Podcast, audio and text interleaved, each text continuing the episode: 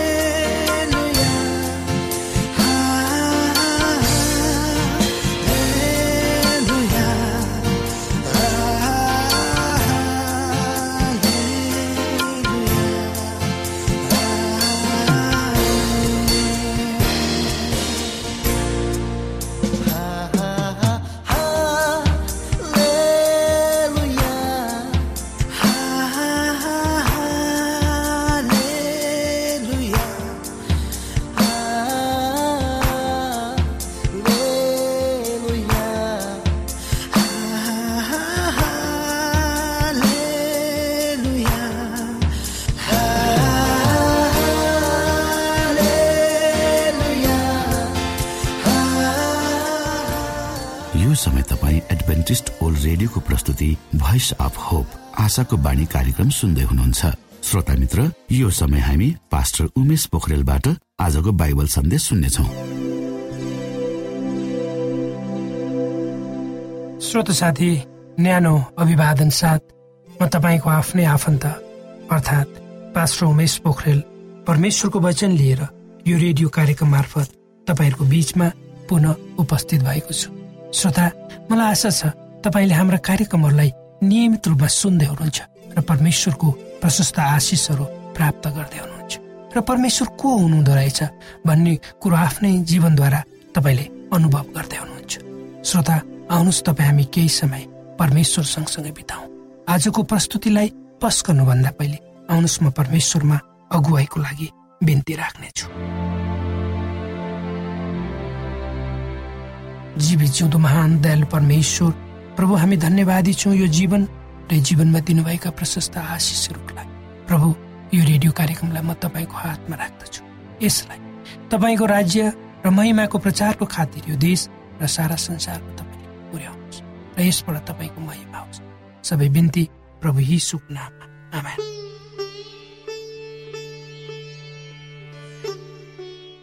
श्रोत साथी मलाई पुरातात्विक महत्वका स्थानहरू घुम्न मन लाग्छ।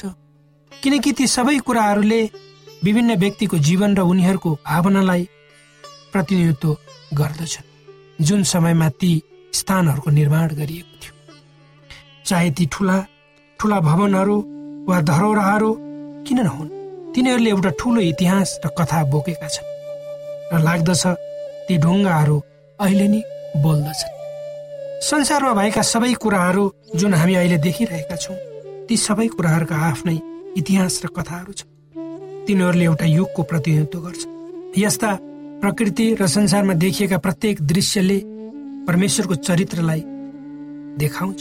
यी सबै कुराहरू यी सबै कुराहरूलाई राम्ररी बुझ्न र त्यसभित्र भएका कुराहरूको त्यसभित्र भएका कुराहरूलाई जान्न हाम्रो निम्ति परमेश्वरको अगुवाई आवश्यकता पर्छ। जबसम्म परमेश्वरले तपाईँ र मलाई अगुवाई गर्नुहुन् तबसम्म यी संसारमा हामीले देखेका इतिहासका कुराहरू हुन् ऐतिहासिक महत्त्वका कुराहरू हुन् प्रकृतिका कुराहरू हुन्। हामी त्यसको रहस्य बुझ्न सक्दैन। अर्थात् जब तपाईँ र म कुनै नयाँ ठाउँमा जान्छु उक्त ठाउँमा घुमडुल गर्न हामीलाई गाइड चाहिन्छ।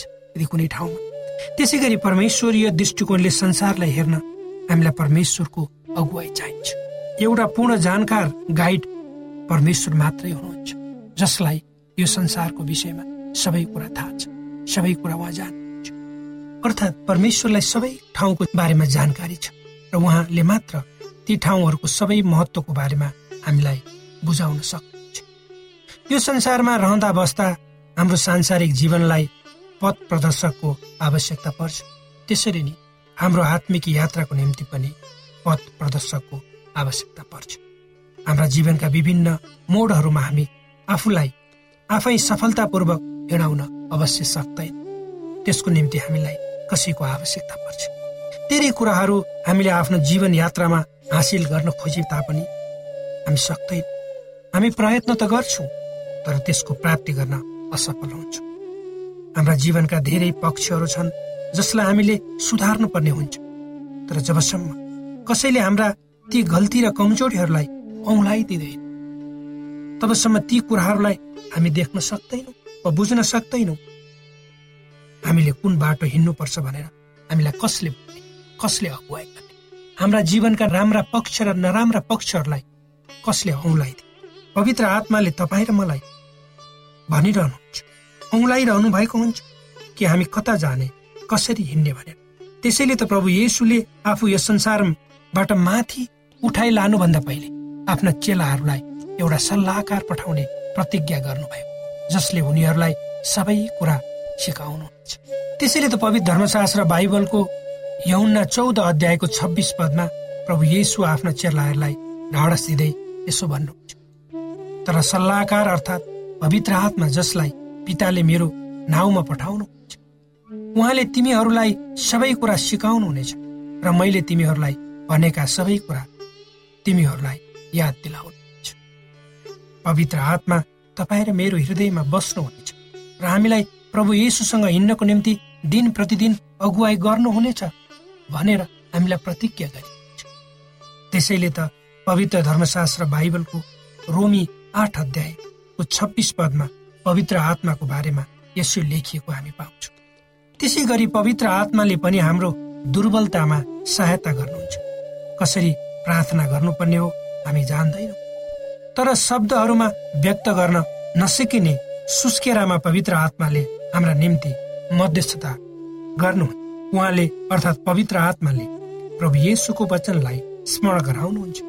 र उहाँले हामी सबैमा आशा र भरोसाको निश्चयता दिनुहुन्छ। उहाँले नयाँ मानिसलाई प्रभुमा जन्मनको निम्ति अगुवाई गर्नुहुन्छ र धार्मिक जीवन जिउनको निम्ति मानिसलाई बलिदान हुन समेत प्रोत्साहित गर्नुहुन्छ र मानिसलाई सेवाको निम्ति तयार गर्नुहुन्छ। श्रोत साथी हाम्रो जीवनमा जब हामी पवित्र धर्मशास्त्र बाइबलको अध्ययन गर्दछौँ परमेश्वरको अनुग्रहका विभिन्न पक्षहरूलाई देख्दछौँ जब हामी एकाग्र भएर ती परमेश्वरका अनुग्रहहरूलाई हेर्छौँ तब हामी खुसीले भरिन्छौँ। धन्यवादी हुन्छौँ अथवा आफू अयोग्य भएको हामी महसुस गर्दछौँ। हाम्रा अनुभवहरू फरक फरक हुन सक्छ तर मानिसमा दुईटा कुराहरू कहिले पनि भिन्न भिन्न हुँदैन ती हुन् परमेश्वरको अनुग्रहको आवश्यकता जो मानिसलाई पर्छ र अर्को त्यो अनुग्रहको निरन्तर प्राप्ति। त्यसमा कुनै फरक पाइँदैन व्यक्ति व्यक्ति परमेश्वरको अनुग्रहद्वारा प्रत्येक मानिस उहाँको दैवीय स्वभावको परमेश्वरको अनुग्रहद्वारा प्रत्येक मानिसले उहाँको दैवीय स्वभावको प्रतिनिधित्व गर्न सक्छ। र यो रहस्यको कुरा जसको बारेमा स्वयं स्वर्गदूतहरू पनि जान्न इच्छुक छन् र हुन्छन् जब हाम्रो पापपूर्ण स्वभावलाई अनुग्रहले परमेश्वरको धार्मिकतामा परिवर्तन गर्दछ। तब हामी त्यो रहस्यलाई बुझ्न सक्छौँ। यो प्रक्रियालाई हाम्रा आफ्नै समझले हामी बुझ्न नसकौँला तर उहाँको अनुग्रहले हामी अवश्य उक्त कुरालाई अनुभव गर्न र बुझ्न सक्नेछौँ। अनुग्रह भनेको सित्तीमा पाइने परमेश्वरको उपहारको अनुग्रह भनेको मानव जातिको निम्ति परमेश्वरबाट पाइने सित्तेको उपहार यसको निम्ति हामीले केही तिर्नु पर्दैन। यदि तिर्नु नै पर्ने भए म खुसी हुने थिएँ होला। म तिर्ने थिएँ। आउनुहोस् हामी पवित्र धर्मशास्त्र बाइबलको मत्ती भन्ने पुस्तकको पच्चिस अध्यायको चौतिसदेखि चालिस पदहरू पढौँ जहाँ न्यायको दिनको बारेमा प्रभु येसु यसो भन्नुहुन्छ। पवित्र धर्मशास्त्र बाइबलको मत्ती पच्चिस अध्यायको चौतिसदेखि चालिस पद तब राजाले आफ्ना दाहिनेपट्टिका अरूलाई भन्ने छ आओ मेरो पिताका धन्य हो। संसारको उत्पत्तिदेखि तिमीहरूका निम्ति तयार गरिएको राज्यलाई अधिकार। किनभने म भोकाएको थिएँ तिमीहरूले मलाई खान देऊ म तिर्खाएको थिएँ तिमीहरूले मलाई पिउन देऊ म परदेशी थिएँ तिमीहरूले मलाई आश्रय दियो। नाङ्गै थिएँ तिमीहरूले मलाई वस्त्र लगाइदियो। बिरामी थिए तिमीहरू मलाई हेर्न आयो झ्यालखानामा थिए तिमीहरू म कहाँ आयो तब धर्मी जनहरूले उहाँलाई जवाब दिनेछन् हे प्रभु कहिले हामीले तपाईँलाई भोकाइनु भएको देख्यौँ र खाना अथवा तिर्खाउनु भएको देख्यौँ र पिउन दियो? कहिले हामीले तपाईँलाई परदेशी देख्यौँ र तपाईँलाई आश्रय दियो अथवा नाङ्गै देख्यौँ र वस्त्र लगायौँ? र कहिले हामीले तपाईँलाई बिरामी वा झ्यालखानामा देख्यौँ र तपाईँका आयो तब राजाले तिनीहरूलाई जवाब दिएर भन्ने छन् साँच्चै म तिमीहरूलाई भन्दछु तिमीहरूले यी मेरा भाइहरूमध्ये सबैभन्दा सानामा एकजनालाई जे जति गर्यो त्यो तिमीहरूले मलाई गर्यो। हो श्रोता साथी यो संसारमा रहँदाखेरि तपाईँ र मैले एउटा सानोभन्दा सानो मानिसलाई गरेको उपहार छ। जो भोकाएको थियो जसलाई हामीले खान दियौँ जो नाङ्गो थियो उसलाई हामीले लाउन दियौँ र जो रोगी व्यवहारी थियो त्यसलाई हामीले उपचार गर्यौँ। त्यो कुरो परमेश्वरले हेरिरहनु जो धार्मिक छन् र परमेश्वरको पक्षमा छन् उनीहरूले परमेश्वरलाई सोध्नेछ। हामीले कहिले ती तपाईँले भन्नुभए अनुसार असल काम गर्यौँ भने? विश्वासीहरू जसले अनुग्रहद्वारा अनन्त जीवन प्राप्त गरेका छन् उनीहरूको टाउकोमा भएको मुकुटलाई निकालेर प्रभु येसुको खुट्टामा राख्नेछ। किनकि उनीहरूलाई थाहा छ उक्त मुकुट परमेश्वरको अनुग्रहको कारणले मात्र उनीहरूले पायो। आफ्नो प्रयासले होइन अवश्य होइन अनुग्रहको साँचो उदाहरण हामी क्रुसमा पाउन सक्छौँ। आफ्नो स्वर्गीय घरद्वारा परमेश्वरको हृदय अनुग्रह मार्फत पाप र पापी हुँदै कलवरी क्रुसमा गएर खनिन्छ र पोखिन्छ। त्यो हामीले बुझ्नुपर्छ। हामीले देखेका छौँ। एउटा ठुलो प्रचारकका अनुसार जब परमेश्वर र पापको भेट भयो त्यहाँ ठुलो धक्का वा सङ्घर्ष भयो। र परमेश्वरको हृदय भाँचियो टुक्रा टुक्रा। अर्थात् परमेश्वरको सदाशय मापन गर्न नसकिने प्रेमले भरिएको हृदय हुन्छ र त्यसै अनुसार परमेश्वर बोल्नुभयो। अब यो सक्यो। यो यसरी सक्यो कि त्यसपछि परमेश्वरले त्यसमा केही थप्न थप्नु भएन। जब हामीले प्रभु यीशुको क्रुसको मृत्युलाई हामीले हेर्दा त्यो हामीले स्पष्ट रूपमा अनुभव गर्न सक्छौँ। अनुग्रहले जे जति गर्नु पर्थ्यो गर्यो। त्यो प्रभु येसु मार्फत अहिले र सबैको लागि अनन्तसम्मको निम्ति त्यो त्यसले काम गरिरहेको छ। त्यसैले त पवित्र धर्मशास्त्र बाइबलको तितस भन्ने पुस्तक हो। दुई अध्यायको एघार पदमा मानिसहरूका मुक्तिको निम्ति परमेश्वरको अनुग्रह प्रकट भएको छ भनेर स्पष्ट लेखिएको छ। हो श्रोता परमेश्वरको अनुग्रह मानिसहरूको लागि विभिन्न रूपमा विभिन्न समयमा निरन्तर रूपमा प्रकट भएको छ। तर मानिसले त्यो कुरालाई अनुभव गर्न सक्नु श्रोत साथी मानवीय स्वभाव जहिले पनि परमेश्वरको विरुद्धमा जान खोज्छ। अर्थात् हामीहरू परमेश्वरको अनुग्रहलाई प्राप्त गर्न योग्यका छैनौँ तर पनि परमेश्वरको अनुग्रहद्वारा हामीहरू निरन्तर रूपमा उहाँको प्रेम र अगुवाईद्वारा जीवित छौँ। यदि परमेश्वरको अनुग्रह हामीमा छैन परमेश्वरको अगुवाई छैन भने निश्चय पनि हामी जिउन सक्दैन। र यो संसारमा रहँदासम्मको निम्ति मात्र उहाँको अनुग्रह हामीमा हुन्छ भने त्यसको साथै अनन्तसम्म पनि भइरहनेछ। परमेश्वरले आफ्नो पुत्र येसुलाई हाम्रो निम्ति दिएर उहाँले मानव जातिमाथि ठुलो गुण लगाउनु भएको छ जसको बारेमा हामी कल्पना पनि गर्न सक्दैन। श्रोता साथी परमेश्वर प्रेमिलो हुनुहुन्छ परमेश्वर अनुग्रहकारी परमेश्वर हुनुहुन्छ परमेश्वर क्षमाशील परमेश्वर हुनुहुन्छ। उहाँले तपाईँ र मलाई हाम्रा जीवनका प्रत्येक पाटाहरूमा हाम्रा जीवनका प्रत्येक चरणहरूमा अगुवाई गर्नुहुन्छ। यदि हामी परमेश्वरको इच्छा अनुसार आफ्नो जीवनलाई उहाँमा समर्पित गर्न राजी भयौँ र उहाँले डोर्याउनु भएको बाटो आफूलाई हिँडायौँ भने निश्चय नै तपाईँ हामीले परमेश्वरसँगको यात्राको मिठो अनुभूति आफ्नो जीवनमा र आउने जीवनमा पनि गर्नेछौँ। परमेश्वरले यी वचनहरूद्वारा तपाईँलाई आशिष दिनुहोस्।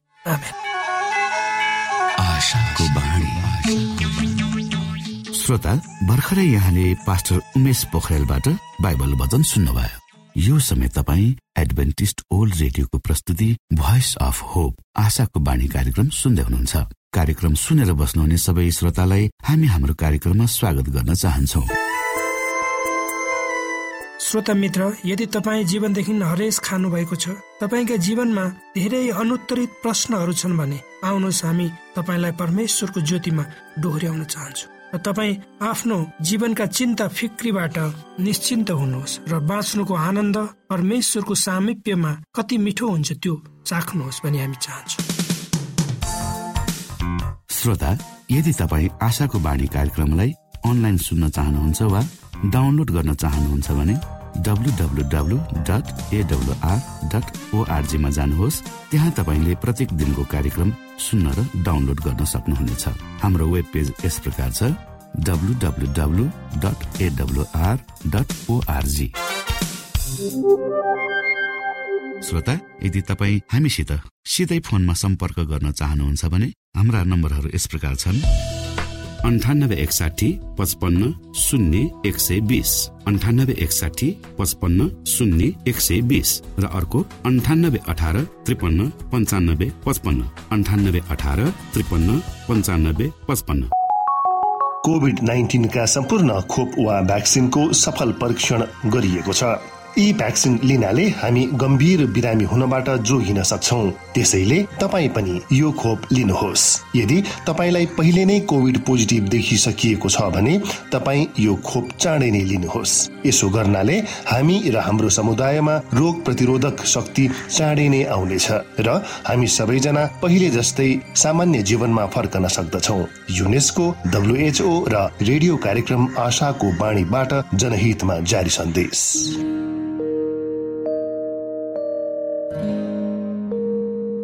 आदरणीय मित्र बाइबलले बताएको छ परमेश्वरले तिर्खाकाहरूलाई तृप्त पार्नुहुन्छ र भोकालाई उत्तम पदार्थले सन्तुष्ट पार्नुहुन्छ। हामीलाई दिइएको यो छोटो समय आशाको बाणीको प्रस्तुतिको समयमा हामीले हाम्रा श्रोताको आत्मिक भोकलाई केही मात्रामा भए तापनि सही प्रकारको खुराक पस्केर आत्मिक सन्तुष्टि दिन सकेका छौँ केही ऊर्जा थप्न सकेका छौँ भनेर हामीले आशा राखेका छौँ। आफ्ना मनमा भएका केही दुविधा र शङ्काहरू छन् भने अवश्य हामीसँग बाँडेर शङ्काको निवारण गर्नुहुनेछ र सही प्रकारको बाटो पहिल्याउन सक्नुहुनेछ परमेश्वरको सच्चाइले अझ राम्रो बुझ्न सक्नुहुनेछ र आफ्नो जीवनलाई परमेश्वरमा पूर्ण समर्पित भएर समर्पण सहितको जीवन बिताउन सक्नुहुनेछ भनेर आशा राख्दै अब हामी हाम्रो कार्यक्रम सकिएको जानकारी यहाँलाई गराउन चाहन्छौ। जानुभन्दा अगाडि श्रोता हामी यहाँलाई हाम्रो ठेगानाको विषयमा जानकारी गरौं। हामीसँग पत्राचार गर्ने हाम्रो ठेगाना यस प्रकार छ। आशाको बाणी पोस्ट बक्स नम्बर दुई शून्य शून्य शून्य दुई काठमाडौँ नेपाल। आशाको बाणी पोस्ट बक्स नम्बर दुई शून्य शून्य शून्य दुई काठमाडौँ नेपाल। यसै गरी श्रोता यदि तपाईँ हामीसँग सिधै कुराकानी गर्न चाहनुहुन्छ भने हाम्रो फोन नम्बर यस प्रकार छ। अन्ठानब्बे एकसाठी पचपन्न शून्य एक सय बिस। अन्ठानब्बे एकसाठी पचपन्न शून्य एक सय बिस। र अर्को अन्ठानब्बे अठार त्रिपन्न पन्चानब्बे पचपन्न। अन्ठानब्बे अठार त्रिपन्न पन्चानब्बे पचपन्न। हामीलाई इमेल पनि गर्न सक्नुहुन्छ। हाम्रो इमेल एड्रेस यस प्रकार छ। Nepal at AWR dot ORG Nepal at AWR dot ORG यदि तपाईँ हामीलाई अनलाइन सुन्न चाहनुहुन्छ वा डाउनलोड गर्न चाहनुहुन्छ भने तपाईँ W W W dot AWR dot ओआरजीमा जानुहोस् र त्यहाँ तपाईँले हाम्रा सबै कार्यक्रमहरू सुन्न सक्नुहुनेछ। हाम्रो वेब पेज यस प्रकार छ W W W dot AWR dot ORG श्रोता यसमा गएर तपाईँले हाम्रा दैनिक कार्यक्रमलाई सुन्न सक्नुहुनेछ। र डाउनलोड पनि गर्न सक्नुहुनेछ। हवस् त श्रोता हाम्रो कार्यक्रम सुनिदिनु भएकोमा एकचोटि फेरि यहाँलाई धन्यवाद दिँदै भोलि फेरि यही स्टेशन यही समयमा यहाँसँग भेट्ने आशा राख्दै प्राविधिक साथी राजेश पास्टर उमेश पोखरेल र कार्यक्रम प्रस्तुता म रवि यहाँसँग विदा माग्दछौ। परमेश्वरले तपाईँलाई धेरै धेरै आशिष दिनुभएको होस्। नमस्कार।